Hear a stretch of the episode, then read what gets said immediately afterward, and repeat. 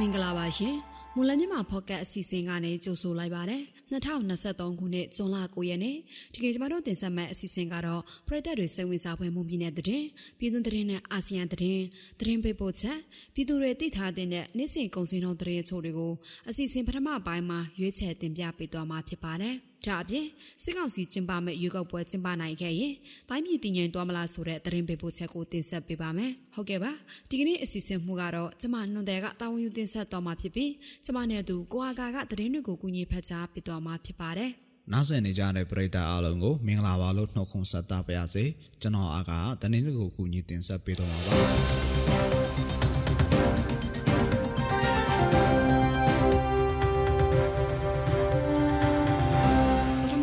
သတင်းတပုတ်အနေနဲ့ရင်းမြွနယ်နှစ်ကရင်ကျေးရွာတွင်မနေ့ကမနက်မှာစစ်ကောင်စီတပ်ပစ်ခတ်လိုက်တဲ့လက်နက်ကြီးကြီးကြားရောက်ပောက်ကွဲတာကြောင့်အမျိုးသမီးတဦးတေဆုံးပြီးနေအိမ်နှလုံးပျက်စီးသွားတယ်လို့ဒေသခံတွေထံကနေသိရပါဗျ။ နှစ်ကရင်ကျေးရွာအတွင်းကိုလက်နက်ကန်အဖွဲ့တစ်ဖွဲ့ကတနက်၃ဆက်ပစ်ခတ်ကဝင်ရောက်လာပြီးနောက်ကျေးရွာအုပ်ချုပ်ရေးမှူးဖြစ်သူဦးနေဝင်းမြင့်ကိုဖမ်းဆီးခေါ်ဆောင်သွားခဲ့တဲ့ဖြစ်စဉ်ဖြစ်ပွားခဲ့ပါတယ်။ထို့အချိန်မှာနှစ်ကရင်ကျေးရွာနဲ့မော်ဂနီရွာတစ်ကြားကဝဲဖဲကျေးရွာမှာအခြေစိုက်ထားတဲ့စစ်ကောင်စီအမြောက်တပ်မှနှစ်ကရင်ကြေးရွာတွေကိုလက်နက်ကြီးနဲ့ပစ်ခတ်ခဲ့တယ်လို့ဒေသခံတွေကပြောပါတယ်။စစ်ကောင်စီတပ်ပစ်ခတ်လိုက်တဲ့လက်နက်ကြီးကြီးဟာနှစ်ကရင်ကြေးရွာရက်ကွက်၅ကတရုတ်တင်ကြိုင်အနီးမှာကြားရောက်ပောက်ကွဲခဲ့ပြီးအဲ့ဒီအနီးမှာနေထိုင်တဲ့အသက်25နှစ်အရွယ်ရွှေပြောင်းလို့တမမတင်ကြီးဆိုတဲ့အမျိုးသမီးကြီးစာထီမှန်တေဆုံးသွားခဲ့တယ်လို့ဒေသခံတအူးကပြောပါတယ်။နှစ်ကရင်ကြေးရွာရက်ကွက်၅ကတရုတ်တင်ကြိုင်အနီးမှာဇွန်လ9ရက်နေ့နနက်ပိုင်းကတည်းကအမြင့်မသိလက်နက်ကန်အဖွဲ့ဝင်တွေရောက်ရှိနေပြီးကြေးရွာအတွင်းလှုပ်ရှားသွားလာနေခဲ့တယ်လို့ရွှေပြောင်လောသမားတဦးကပြောပါတယ်။လက်နက်ကန်အဖွဲ့ဖမ်းဆီးခေါ်ဆောင်သွားခဲ့တဲ့ကြေးရွာအုပ်ချုပ်ရေးမှူးဦးနေဝင်းမြင့်လည်းနေ့လယ်ပိုင်းအချိန်ခန့်ကနေအိမ်ကိုပြန်လည်ရောက်ရှိလာပြီးဖြစ်တယ်လို့ဒေသခံတို့ထံကနေသိရပါတယ်ရှင်။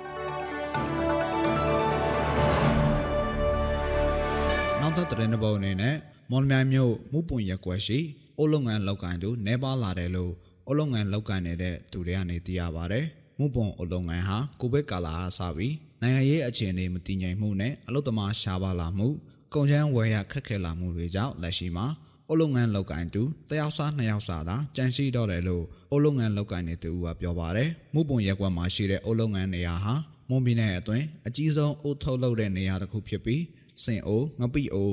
ငရုတ်ဆောင်ပန်းအိုစီမီကွက်ဆွန်အိုစတဲ့အိုးမျိုးမျိုးတို့ကိုထုတ်လုပ်ရောင်းချနေတဲ့နေရာလည်းဖြစ်ပါတယ်။လက်ရှိမှာဒေတာအတွင်းအယောင်းဝယ်နေငယ်တာရှိနေတဲ့ငရုတ်စုံငပိအိုပန်းအိုနဲ့ရာသီလိုက်ပွဲတော်ကာလမှာအသုံးပြုတဲ့စီမီကွက်ဆွန်အိုအတာအိုးတို့ကိုသာထုတ်လုပ်နေပြီးအချို့အိုးဆိုရင်မလုပ်ပဲညှနာထားရတယ်လို့အိုးလုပ်ငန်းရှင်တို့ကဆိုပါတယ် လက်ရှိလောက်ကင်နေတဲ့သူတွေဟာဘိုးဘွားဆင်ဆက်လောက်ကင်လာခဲ့တဲ့လုပ်ငန်းဖြစ်တဲ့အတွက်ထိမ့်သိမ့်တဲ့အနေနဲ့ဆက်လက်လောက်ကင်နေကြတယ်လို့လည်းဆိုပါတယ်ခင်ဗျာ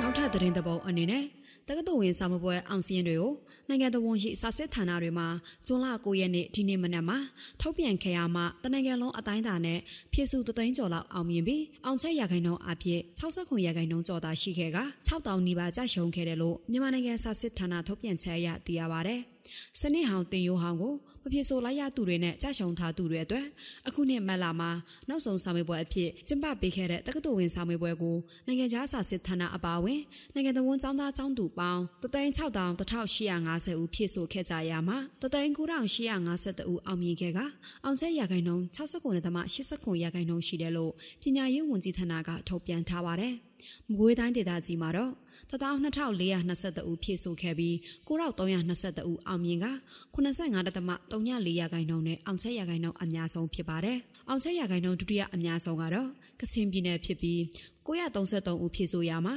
9059ဦးအောင်မြင်ခဲ့ပါတယ်။မန္တလေးတိုင်းမှာတော့2269ဦးဖြည့်ဆို့ခဲ့ရမှာ36018ဦးအောင်မြင်ခဲ့ပြီးအောင်ဆက်တတရအကောင်ဆုံးဖြစ်ပါတယ်။ဒီနှစ်မှာ တနိုင်ငံလုံးသိပ္ပံပါတာတွဲမှာ956မှတ်နဲ့အမှတ်အများဆုံးဖြစ်တယ်လို့စစ်ကောင်စီပညာရေးဝန်ကြီးဌာနရဲ့ထုတ်ပြန်ချက်တွေအရသိရပါဗျ။အခုနှစ်မှာဆောင်ပွဲကြရှုံသူတွေအနေနဲ့ကြောင်းတက်ခွင့်မရှိတော့ပဲစနစ်သစ် Great 12ဆောင်မေးပွဲကိုဝင်ရောက်ဖြည့်ဆို့မယ်ဆိုရင်ပြင်ပကနေတက်ရောက်ဖြည့်ဆို့နိုင်တယ်လို့သတ်မှတ်ထားပါတယ်ရှင်။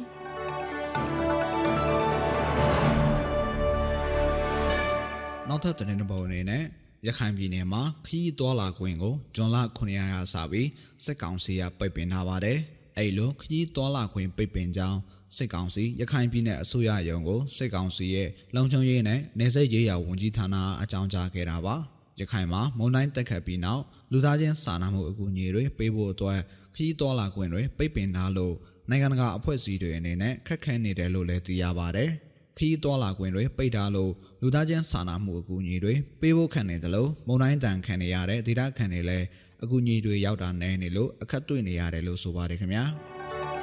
။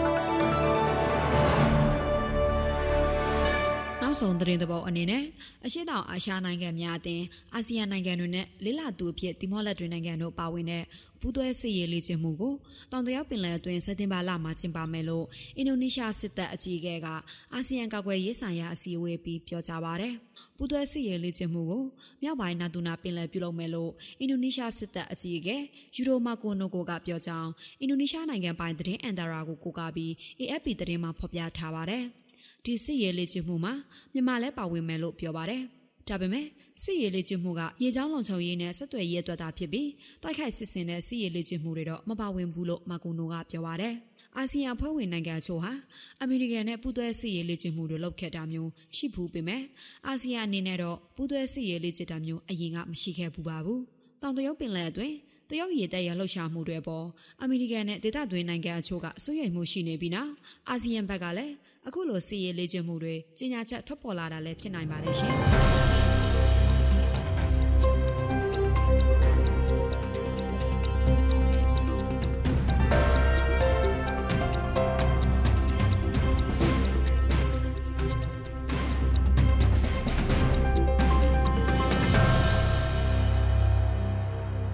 ဆလာဘီ ပြည်သူတွေသိထားတဲ့နေ့စဉ်ကုန်စည်နှုန်းတရေအချို့တွေကိုမော်လမြိုင်ကုန်စည်တိုင်းကအချက်လက်တွေကိုအခြေခံပြီးကျမနွန်တွေကတင်ဆက်ပေးပါဦးမယ်။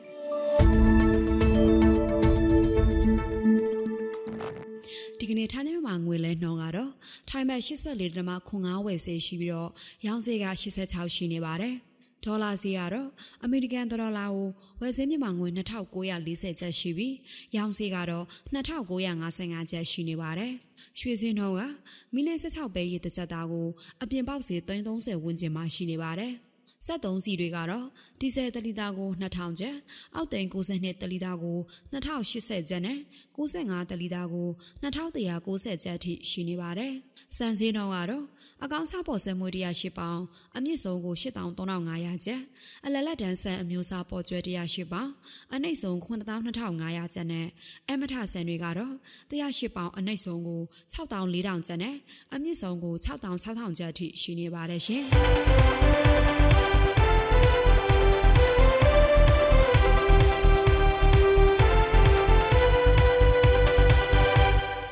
တင်ဆက်ပေးသွားခဲ့တာကဇွန်လ9ရက်နေ့မှာဖြစ်ပျက်ခဲ့တဲ့မွန်ပြည်နယ်သတင်းပြည်တွင်းသတင်းနဲ့အာဆီယံသတင်းတွေအပြင်တနေ့တာစီစီငွေစည်းနဲ့ကုန်စည်နှုန်းတွေကိုတင်ဆက်ပေးသွားတာဖြစ်ပါတယ်။ဆက်လက်ပြီးတော့စစ်ကောင်စီကျင်းပမဲ့ရွေးကောက်ပွဲကျင်းပနိုင်ခဲ့ရင်တိုင်းပြည်တည်ငြိမ်သွားမလားဆိုတဲ့သတင်းပေးပို့ချက်ကိုနတီကတင်ဆက်ပေးပါအောင်မယ်။စစ်ကောင်စီရဲ့အထွေထွေရွေးကောက်ပွဲကျင်းပနိုင်ပါကလက်ရှိဖြစ်ပေါ်နေတဲ့လက်နက်ကင်ပဋိပက္ခတွေညော်နေလာပြီး တည်ငြိမ်လာမယ်လို့ပြောနေကြသလိုအခြားတစ်ဖက်မှာလည်းရွေးကောက်ပွဲကျင်းပပြီးရုံနဲ့တည်ငြိမ်အေးချမ်းမှုရမှာမဟုတ်ဘူးလို့ပြောဆိုနေကြပါတယ်။စစ်ကောင်စီကရွေးကောက်ပွဲကျင်းပနိုင်ရေးပြင်ဆင်နေကြောင်းသို့တော်လည်းရွေးကောက်ပွဲမှာတက်လာတဲ့အစိုးရကိုလက်နက်ကိုင်အဖွဲ့အစည်းတွေကလက်ခံမှုအပိုင်းတွေမူတည်တယ်လို့ဒေနင်္ဂမဟာဗျူဟာလေးလာရေးအဖွဲ့မှဒရိုက်တာဦးသိန်းထိုးဦးကပြောပါတယ်။အဲအဲ့ဒါကတော့နည်းနည်းပြောရတယ်။ဘာကြောင့်လဲဆိုတော့ကျွန်တော်တို့ကဒီအခုနောက်ဆက်ကတော့သူကြီးညာထားတဲ့သူ ဒီရွေးကောက်ပွဲဆက်လုပ်မှာပေါ့နော်သွားမယ်ဒါကသူ့အပိုင်းတစ်ပိုင်းဒါပေမဲ့တစ်ဖက်ကကလက်နက်ကင်နေတဲ့အဖွဲ့တွေကအစိုးရတည်တည်းရဲ့ရွေးကောက်ပွဲနဲ့တက်လာတာကိုလက်ခံပြီးတော့သူတို့ရှေ့ဆက်သွားမှာဆိုတော့သူတို့ဘက်ကသဘောထားရှိသေးတာ哦ဆိုတော့သူတို့ဘက်ကသဘောထားကကျွန်တော်တို့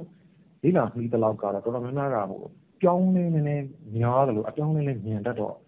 အဲ့ဒါတော့လည်းပြောရတတ်ပါတယ်ဒါပေမဲ့တခုရှိတာကအဲ့လိုမျိုးခုနအမြင်နဲ့អော်နေကြတာပေါ့ဗျာ legitimate ဖြစ်တဲ့ရွေးကောက်ပွဲတက်လာမှတကယ်ကိုတရားဝင်တော့လို့ပါတယ်လို့អော်ကြတဲ့အချိန်မှာတကယ် ရွေးကောက်ပွဲကကြော်ဖြတ်ပြီးတက်လာတဲ့တကယ်အနိုင်ရပါတီကိုအခုဖြစ်နေတဲ့လက်နက်ကိုင်အဖွဲ့အစည်းတွေကလက်ခံကြပါမှာဆိုအဲ့ဒါတစ်ချက်ကသူတို့ဘက်ကိုကျွန်တော်တို့ကမြန်မြန် process ရှိအောင်သူတို့ဘက်ကလက်ခံမှာဒါမျိုးကတော့ငြင်းငြင်းပါမယ်လို့ပဲပြောလို့ရမှာသူတို့ကဒါကြီးကိုလက်မခံဘူးဒါနဲ့ပတ်သက်ပြီးတော့ဟိုမကျင်တတ်ဘူးလက်နဲ့ဆွဲကိုင်တဲ့လမ်းစဉ်နဲ့စိတ်ယူနေအောင်ဆိုတော့အဲ့ဒါအေဂျင့်စီအကြောင်းမရှိဘူးပေါ့နော်ဒီလိုပဲပုံသတ်လို့ရပါတယ်လက်ရှိမြန်မာပြည်မှာလက်ရှိမြန်မာပြည်မှာ2021ခုနှစ် ဖေဖော်ဝါရီတရက်စစ်တပ်အာဏာသိမ်းပြီးနောက်ပိုင်းမှာစတင်ကနိုင်ငံတော်ဝန်လက်နက်ကင်ပဋိပက္ခတွေဖြစ်ပေါ်လျက်ရှိနေပြီးနိုင်ငံရေးငြိမ်းချမ်းရေးစီးပွားရေးစမာရေးပညာရေးစသည်တို့မှာအဖက်ဖက်ကယူရင်ချက်ဆင်းလျက်ရှိနေပါတယ်စစ်ကောင်စီကကျင်းပမဲ့ရွေးကောက်ပွဲဟာလွတ်လပ်ပြီးတရားမျှတတဲ့ရွေးကောက်ပွဲဖြစ်လာနိုင်စရာအကြောင်းမရှိဘူးလို့ရခိုင်နိုင်ငံရေးသမားဥဖေတန်းကပြောပါတယ်ရွေးကောက်ပွဲတစ်ခုလုပ်မယ်ဆိုရင် free and fair ဖြစ်ဖို့လိုတာပေါ့နော်ဟောအတိုက်ခံတွေဘာမှမလုပ်ရှားနိုင်အောင်သူတို့လိုတယ်လို့ဟို ပုံဖော်နေတာမျိုးပေါ့နော်ဟောသူတို့ရွေးကောက်ပွဲကော်မရှင်ကလည်းအများအားအဲ့လိုမျိုးလုပ်နေတာတော့ရှိတယ်အဓိကအတိုက်ခံပါတီ NLD ကိုလည်းအဲ့ဒါပယ်ဖျက်လိုက်ပြီဆိုတော့ NLD ပါတီဝင်တွေလည်းဖမ်းရှုခံရတယ်တရားစွဲခံရတယ်အဲတပ်ဖြတ်ခံရတယ်ဆိုတဲ့ပုံစံမျိုးတွေရှိနေတဲ့အခါမှာဒီရွေးကောက်ပွဲကလည်းနိုင်ငံတကာကဘယ်လိုမှထောက်ခံတဲ့ရွေးကောက်ပွဲအတိမတ်ပြုတဲ့ရွေးကောက်ပွဲလည်းမဟုတ်ဘူးဟိုဒါကြောင့်သူ့အနေနဲ့အဲဒီလိုဘယ်လိုပဲပြောပြောပေါ့နော်ဒါကတော့ရွေးကောက်ပွဲကအထက်မြောက်မဲ့အလားအလာမရှိဘူးဟို အထက်မြောက်မယ်ဆိုရင်တောင်မှသူ့ဘက်ကပဲခိကတဆန်းလုပ်ပြီးတော့အပြသဘောမျိုးနဲ့လုပ်တဲ့ရွေးကောက်ပွဲမျိုးပဲဖြစ်လာနိုင်တယ်အဲဆိုတော့ရှုံပြီးပြောရရင်တော့ရွေးကောက်ပွဲကတော့ဒီ free and fair ဖြစ်တဲ့အခြေအနေမျိုးမရှိနိုင်ဘူးဟိုဖြစ်လဲဖြစ်လာနိုင်ကြအကြောင်းမရှိဘူးဟိုဒီပြည်သူတွေကလည်းဒီရွေးကောက်ပွဲနဲ့ပတ်သက်ပြီးတော့စိတ်ဝင်စားမှုလုံးဝမရှိဘူးအတိအမှလည်းပြုမှာမဟုတ်ဘူးဟုတ်ကဲ့ရွေးကောက်ပွဲကျင်းပပြီးလွတ်တော်ပေါ်လာပါက ပြည်သူလူထုကိုစားပြောပေးမဲ့ကိုယ်စားလှယ်တွေရှိလာတဲ့အတွက်ပြည်သူတွေတက်တာမှာဖြစ်တယ်လို့လီစုအမျိုးသားဖိုးပြိုးတိုးတက်ရေးပါတီဒူးလေးပါတီမှဥက္ကဋ္ဌဦးလီပေါ်ရဲကပြောပါတယ်ကျွန်တော်တို့အဲ့ဒီအဆင့်တော့မမီဘူးထင်တာပဲလို့နော်ဒါပဲတခုတော့ရှိတာပေါ့ဒီတော့ဝက်ပြီးလို့ဒါလွတ်တော်တွေရှိလာရင်တော့ဒါတိုင်းပြည်အာပြည်သူလူထုကနည်းနည်းတက်တာမှာပေါ့ကွာဒါပြည်သူကိုစားပြောပေးမဲ့ဒါကိုယ်စလေတွေထွက်လာမှာပေါ့အဲ့တော့ ဒီကောက်ပွဲလှုပ်လိုက်လို့ဟိုတိုင်းပြည်ကလည်းနဲ့ကန်ဖွဲ့စည်းတွေနဲ့ အဆင်ပြေမယ်ဆိုမပြေဘူးဆိုတော့ ပြောလို့မရကျွန်တော်တို့ လွန်ခဲ့တဲ့ကာလမှာလဲဒါရွေးကောက်ပွဲနဲ့ အစိုးရနှစ်ကြိမ် အုပ်ချုပ်ခဲ့တာပဲနော်ဒါမဲ့ရှိတဲ့အဖွဲ့အစည်းတောင် တချို့ပြတ်သွားတာ ရှိသေးတယ် နိုင်ငံရေးပါတီများ မှတ်ပုံတင်ခြင်း ဥပဒေအသစ်ကို စစ်ကောင်စီက2023ခုနှစ်ဇန်နဝါရီ31ရက်နေ့ကထုတ်ပြန်ခဲ့ပြီးနောက်ရပ်ပေါင်း60အတွင်းနိုင်ငံရေးပါတီအဖြစ်ဆက်လက်တည်ထောင်ခွင့်နဲ့မှတ်ပုံတင်ခွင့်လျှောက်ထားရမယ်လို့ပြဋ္ဌာန်းခဲ့ပါတယ်။အဲ့ဒီနောက်တမကာလအတွင်းမှတ်ပုံပြန်မတင်တဲ့အမျိုးသားဒီမိုကရေစီအဖွဲ့ချုပ် NLD နဲ့ရှမ်းတိုင်းရင်းသားများဒီမိုကရေစီအဖွဲ့ချုပ် SNLD အပါအဝင်နိုင်ငံရေးပါတီ40ကိုဖျက်သိမ်းတယ်လို့ ပြည်ထောင်စုရွေးကောက်ပွဲကော်မရှင် UEC ကမတ်လ28ရက်မှာထုတ်ပြန်ခဲ့ပါတယ်ရှင်။